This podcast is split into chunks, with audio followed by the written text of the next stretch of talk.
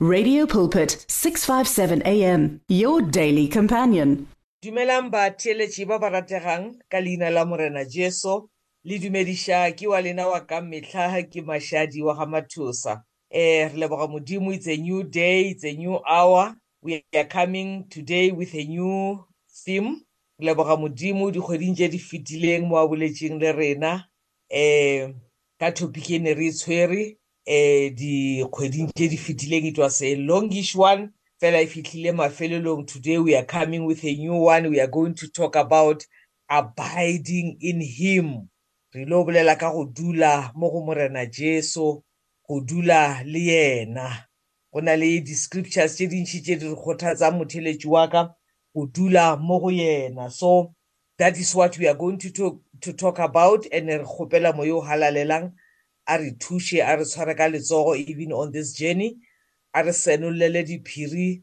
tša madiba a Modimo gore at the end of the day re kgone go tlo tia re be founded upon the truths that come out of His Word. Motheeletši wa ka, ke rata gore pele re thoma nke re rapeleng. Papa, ka Leina la Morena Jesu, thank you so much for this Time of coming before your throne of grace to learn from your word. Re a go kgopela, e tla o tlo sepela le rena even as we are starting with a new theme. Re kgopela gore e be wena o tlo go bula matlho a moya, re kgone go bona diphiri tše di leng lentšung la gago. Le ngwale lentšu la gago Modimo wa ka dipelong tša rena le ditlhaloganyong tša rena, re gopole ka lona ka dinako ka moka, re se ke be ra phamoga tseleng. Re kgopela tšohle, Papa, Leineng le lebotse la Morena Jesu. Amen. Motheeletši wa ka, we are going to talk about abiding in Him. This is our calling, motheeletši wa ka. This is all we have been given mo go Morena Jesu. Modimo never made any other demand on us. Ge re fitlha mo go Morena Jesu, the demand was that we should abide in Him. Go ka kgona go dula fela mo go Morena Jesu, o feditše, motheeletši wa ka. Just abiding, o feditše. You know, go na le chorus e nngwe be re e opela kgale, ga ke tse nna bazalwane ba sa e opela na, ba ntše ba re khutši, khutši, nna ra ikhutša, ba re amen, haleluya, amen, ba boe gape ba re khutši, khutši, nna ra ikhutša, ba re amen, haleluya, amen. Motheeletši wa ka re bileditšwe go khutša. You know, kgale re ema-ema re tsena le mo go sa tsenwing, kgale re leka sela, re leka go hlakantšha go sa hlakane, re ela dithitho, re leka go botšiša dipotšišo di se na dikarabo, Bjale mmina thoko go re, Yoo, ge re fihla mo go Morena Jesu, ra khutša. A re, Khutši, khutši, nna ra ikhutša. Motheeletši wa ka, ke nyaka gore Modimo a re bule mahlo re kgone go kwešiša khutšo ye a re bileditšeng yona mo go Morena Jesu. Re kwešiše gore na ge re dutše mo go Morena Jesu leruo le re kgonang go le rua ke le lefe.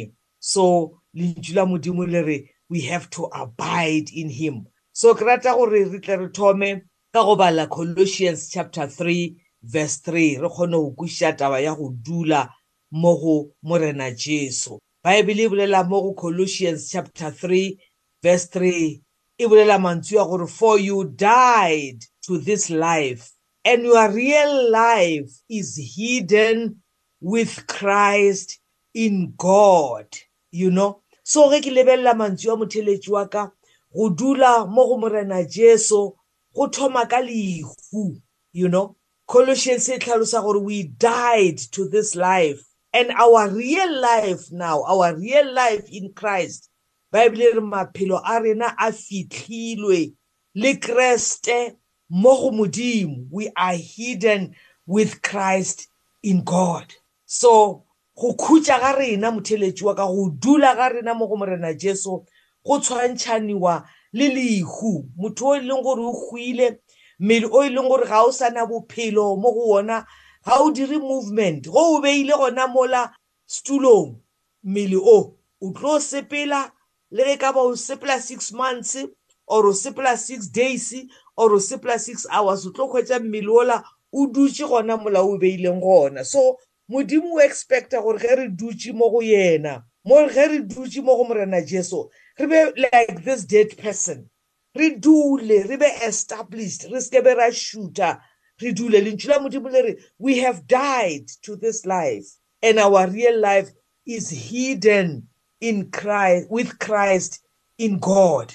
So go khutša ga rena, motheletši wa ka, re khuditše, re dutše bjale ka setopo, re dutše bjale ka motho wa hwileng mo go Morena Jesu. Bophelo bja rena bo fedile, bo feletše mo go Morena Jesu. So ke rata go ithoma ka yona tsela e theme ya rena gore abiding mo go Morena Jesu e thoma ka lehu, you know, Modimo does not expect us ge re dutše bo go yena re fele re emaema re fele re tlokatloka o nyaka fela re dule re iketle re be rooted mo go yena ke ile bala gape another scripture e bolelang ka go hwa mo go morena jesu re ile bala mo go romans chapter 6 verse 6 ke rile You know, taba ya go dula mo go Morena Jesu e thoma ka lehu. So ke rata gore re kwešiše taba ya lehu pele gore na go tlile jwang ge re le mo go Morena Jesu. Lentšu la Modimo le bolele ka taba ya gore re hwile, we are dead. You know, go dula ga rena ga re šuthi. Go na le mmina thoko mo gore ga re šuthi, ga re šikinyegi, re nyaka Jesu fela. You know, ke tabela ke reng di-musicians ke a ba rata, they understand these secrets. and they convert them into songs and as they sing them into our ears they always ring in our minds and it becomes very difficult to forget them ba ntse ba re ke dutše mo ga ke šišinyege ke nyaka jesu fela so setopo motheletši wa ka motho wa hwileng kwa reng ga a dutše a se šikinyege so ga o fitlha mo go morena jesu all movement must stop Re dutše re hwile Lentšu la Modimo le re maphelo a rena a fihlilwe le Kriste mo go Modimo. That is the principle, ge o dutše mo go Modimo ga o šikinyege. Amen.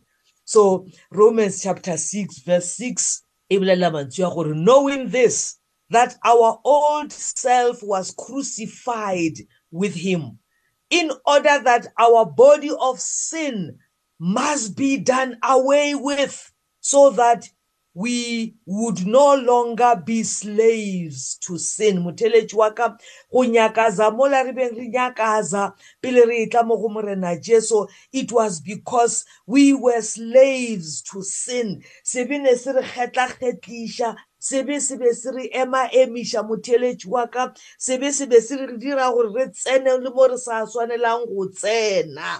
So Lentšu la Modimo le re, Ka go tla mo go Morena Jesu, our old self was crucified in Him. Morena Jesu ga a re amogela motheeletši wa ka, He crucified our old self in order that our body of sin might be done away with. Go ema ema mola e ne e le sebe, motheeletši wa ka, se re hlokiša khutšo. With our own strength, re leka go hlakantšha go sa hlakane.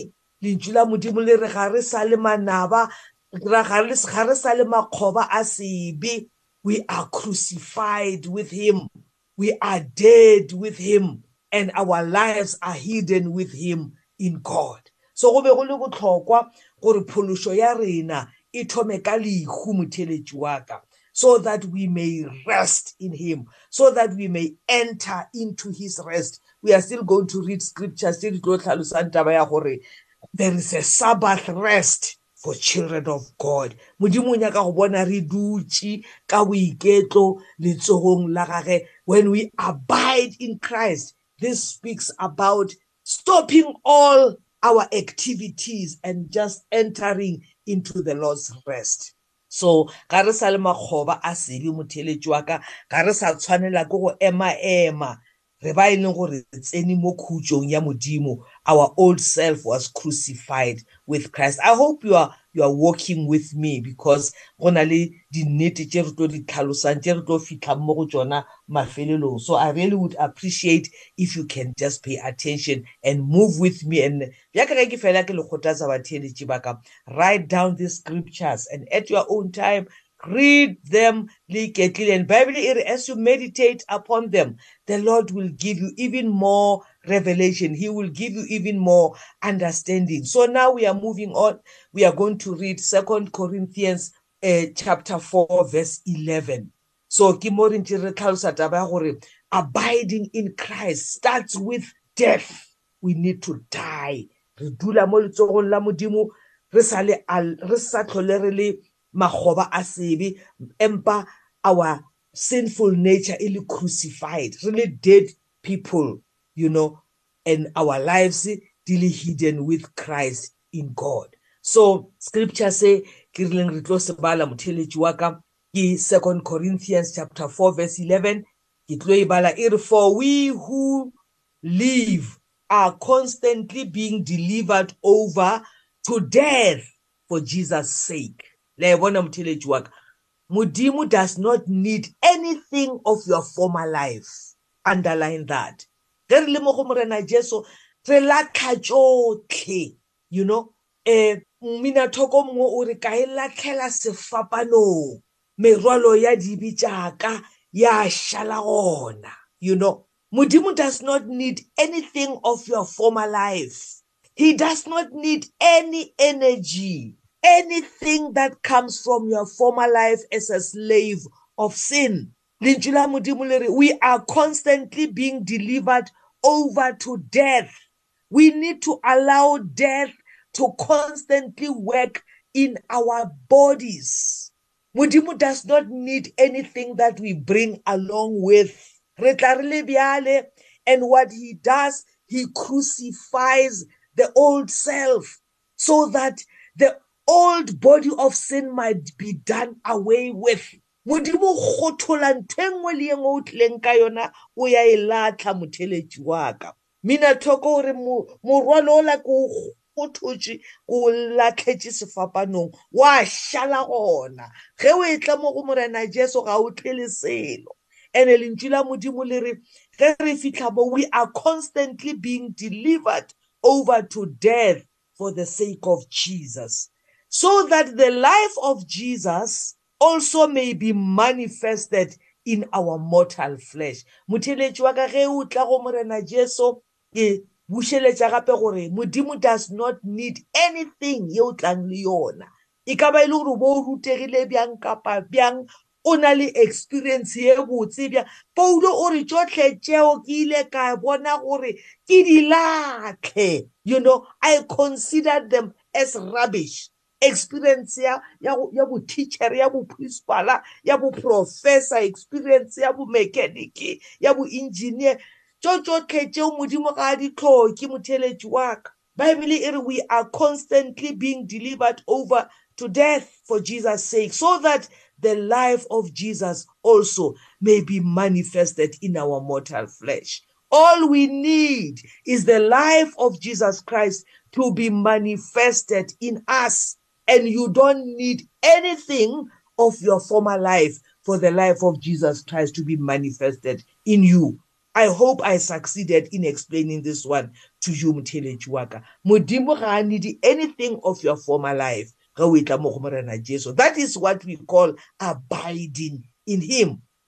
Mo go Galatians chapter 2 verse 20, Lentšu la Modimo le re, I have been crucified with Christ. It is no longer I who live, but Christ lives in me. Motheletši wa ka ge o hwile mo go Morena Jesu, ga go sa phela your former self. Ga e sa le wena o phelang, empa ke Morena Jesu wa phela mo go wena.